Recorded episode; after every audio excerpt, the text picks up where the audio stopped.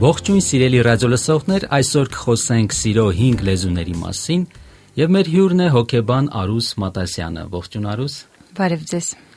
Այ օրինակ ես գիտեմ, որ սիրո լեզուն ընդունված է ֆրանսերենը։ Ինչպիսի լեզուների մասն է խոսքը ընդհանրապես։ Ֆրանսերենը իհարկե սիրո լեզու է, սակայն գոյություն ունեն նաև այլ սիրո լեզուներ, որոնցով մեր զգացմունքները արտահայտում ենք դիմացինների նկատմամբ ամենատարբեր փոխհարաբերություններում առանձնացնում են սովորաբար 5 սիրո լեզու, որոնցով մարդիկ խոսում են։ Լավ, իսկ ինչու 5 լեզու, այլ ոչ օրինակ 3 լեզու։ Պրակտիկան ցույց է տալիս, որ 5 սիրո լեզուն բավական է ավելի արդյունավետ մեր զգացմունքները փոխանցելու դիմացինին։ Այսինքն սիրո 5 լեզվի միջոցով մենք կարող ենք արտահայտել մեր ամենատարբեր զգացումները մեր դիմացիններին։ Շատ լավ։ Կարծում եմ ռադիո լսողները արդեն անհամբերությամբ սպասում են լսելու, թե որոնք են դրանք, խնդրեմ։ Կուզեի խոսել սիրո ժամանակ լեզվի մասին։ Մենք շատ լավ գիտակցում ենք, որ մեր այսօրվա բազմազբաղ առօրյայում շատ դժվար է ժամանակ տրամադրել մեր դիմացիններին։ Հաճախ այս սիրո լեզուն նախընտրողները տուժում են, քանի որ իրենք չեն կարողանում իրենց սիրված զգալ։ Ժամանակ ասելով հասկանում ենք որակյալ ժամանակի տրամադրում։ Սա նշանակում է, որ երկուսով պետք է լինեք առանձին։ Դա կլինի ձեր երեխան, դա կլինի ձեր ամուսինը։ Միմյանց հետ կարողանաք անկեղծ շփվել, ֆիլմ դիտել կամ մուլտֆիլմ, գնալ զբոսանքի, որևէ ընդհանուր զբաղմունքներ գտնել։ Այս ձևով ձեր դիմացինը կհասկանա, որ դուք իրեն սիրում եք։ Կարող եք խոսել պարզապես օրվա անցուդարձից, սակայն ուրախadir եղեք նրա նկատմամբ, ձեր ողջ ուշադրությունը կենտրոնացրեք նրա վրա, նայեք նրա աչքերին, մի զբաղվեք կողքից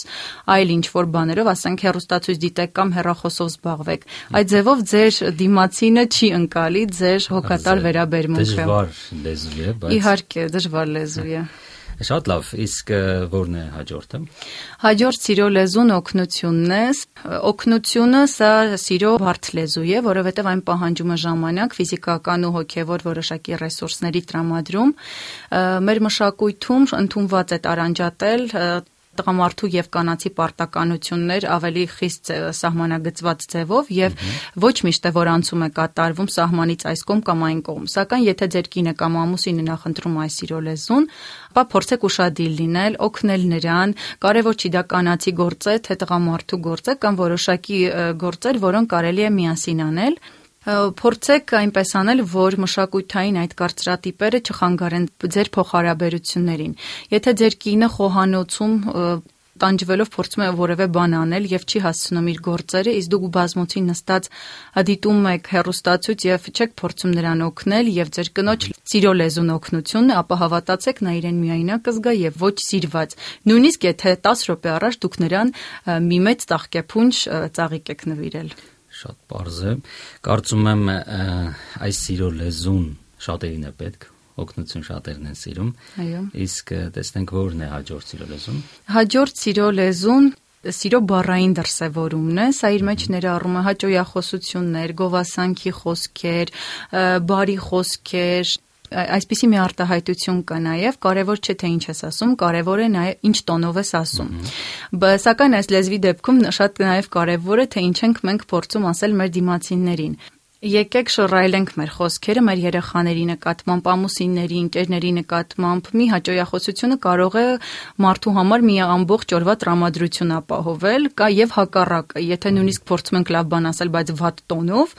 ապա դա ազդում է մեր տրամադրության վրա։ Սովորաբար ասում են, որ կանայք են սիրում այս լեզուն, քանի որ կանայք ավելի։ Ընդունված է, որ կանայք ականջներով են սիրում, սակայն կարծում որ տղամարդկանց, երեխաների, այո, դեպքում էլ սա իրոք իրոք արտահայտված սիրո լեզու է։ Շատ լավ, իսկ ո՞րն է հաջորդը։ Հաջորդը նվերներն են։ Սա նյութական սիրո դրսևորումն է։ Նվերները շատ կարևոր են յուրաքանչյուրիս կյանքում, նայելով նվերին մենք հետագայում հետաքրքիր ապրումներ ենք ունենում, հիշում մեր անցյալը, Այսինքն նվերը դա փոքրիկ հուշ է, որը մենք տալիս ենք մեր դիմացիններին։ Եթե ձեր դիմացինը նախընտրում այս սիրո լեզուն, ապա շատ կարևոր է, որ նվերներն նրան տրամադրեք ոչ միայն առիթներին, այլ պարզապես անակնկալի տեսքով։ Այդ դեպքում նա իրեն ավելի սիրված կզգա։ Դե մեր հասարակությունում ընդունված է, օրինակ տղամարդիկ շատ են սիրում իրենց սերը դրսևորեն նվերների տեսքով։ Այո։ Բայց ինչպես նշեցիք, երևի կինը չբավարարվի այդ նվերներից, եթե նրա սիրո լեզուն այլ Այո, միանշանակ։ Իհարկե հաճելի է նվեր ստանալը բոլոր դեպքերում, գուցե շատերի համար սա նաև առաջնային սիրո լեզու լինի, բայց եթե ձեր կինը նախընտրում է օգնությունը, ապա նվերներ տալով դուք չեք կարող բավարարել ամբողջական նրա սիրո պահանջմունքը։ Շատ է դարքիր է, իսկ երի վերջինը, այո։ Վերջինը ֆիզիկական շփումն է, իր մեջ ներառում է հպում, գրկախառնություններ, համբույր, քնքշանք, այս ամենը սիրո լեզվի մեջ է մտնում Կուզենայի ավելի այս սիրո լեզվին ուշադրություն դարձնեին եւ ծնողները իրենց երեխաների նկատմամբ արդյոք շատ հոգատար են, կա նրանց մեջ ֆիզիկական շփում, որովհետեւ սա կարեւոր է երեխաների առողջ զարգացման համար եւ նաեւ կուզենայի տարեց ամուսիններ ուշադրություն դարձնեն արդյոք իրենց փոխհարաբերություններում գոյություն ունի այս սիրո լեզուն Հավատացեք, որ ֆիզիկական շփման միջոցով հնարավոր է լինում արտահայտել սերը տարբեր երանգներով եւ մենք դիպչելով մարդու մարմնին դիպչում ենք մարդու սրտին։ Այսինքն խոսքը ոչ միայն ամուսինների միջև ինտիմ հարաբերությունների մասին է, այլ այլ ընդհանրապես իհարկե, իհարկե շատ կարևոր է երեխաների հետ փոխհարաբերություններում Լավ, ես իմացա, ռադիոլսողները իմացան, իսկ ինչպես parzեմ իմ սիրո լեզուն։ Այ օրինակ ուզում եմ իմանալ։ Իհարկե կան որոշակի թեստեր, որոնց միջոցով հնարավոր է ավելի ճշգրիտ ձևով ողրզել սիրո լեզուն, սակայն կուզեի մի փոքր փորձ անենք։ Պարզապես փակեք ձեր աչքերը, պատկերացրեք, որ դուք ունեք իդեալական կին կամ ամուսին, էական չի դուք ամուսնացած եք, թե ոչ։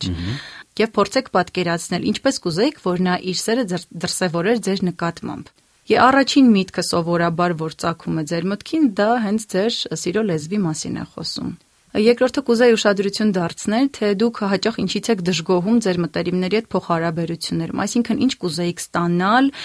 որը չեք ստանում։ Իսկ ամեն դեպքում, եթե ինչ որ մեկը չի կարողանում parzi այդ մեթոդով, կա ինչ որ մասնագիտական խորհրդատվություն, կարող են օրինակ ձեզ դիմել parzելու համար։ Հա, իհարկե, հնարավոր է։ Շատ լավ։ Իսկ մի անձնական հարց տամ։ Դուք ամուսնացած եք։ Այո։ Պրակտիկայում, գործնական կյանքում այս սիրո 5 լեզունները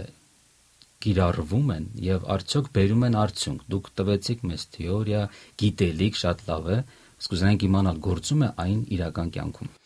Իմ մասնագիտական եւ անհատական պրակտիկան ցույց է տալիս, որ այս սիրո լեզուների կիրառում շատ կարեւոր է բոլոր տեսակի հարաբերություններում, հատկապես ամուսնական փոխհարաբերություններում, երեխա ծնող փոխհարաբերություններում, սրանք կարծես թե նորովի ձևով ամրապնդում, կայունացնում են հարաբերությունները շատ կարևոր է սրանց իմացությունը, շատ հաճախ տեղի են ունենում բաժանություններ, սակայն իրականում չկան լուրջ պատճառներ։ Խոսք լինի հենց այս սիրո լեզվի։ Այո, պարզապես նրանք չեն հասկացել միմյանց եւ հենց այստեղ խոսքը գնում է դիմացինի սիրո լեզուն չիմանալու։ Հարաբերությունները նման են բույսի, որ ինչպես բույսը կարիք ունի խնամքի, այնպես էլ փոխհարաբերությունները։ Ուշադրություն դարձրեք այս սիրո լեզուներին եւ փորձեք դրանք կիրառել ձեր կյանքում։ Եթե դուք ձեր ամուսնու հետ հիմա լսում եք այս հաղորդումը, ոչ թե սպասեք, որ նա ձեր հանդեպ կցուցաբերի, կխոսի ձեր սիրո լեզվում, այլ նախաձեռնությունը վերցրեք ինքներդ ձեր վրա եւ հավատացեք, որ տալով միշտ կստանաք ավելին։ Շնորհակալություն։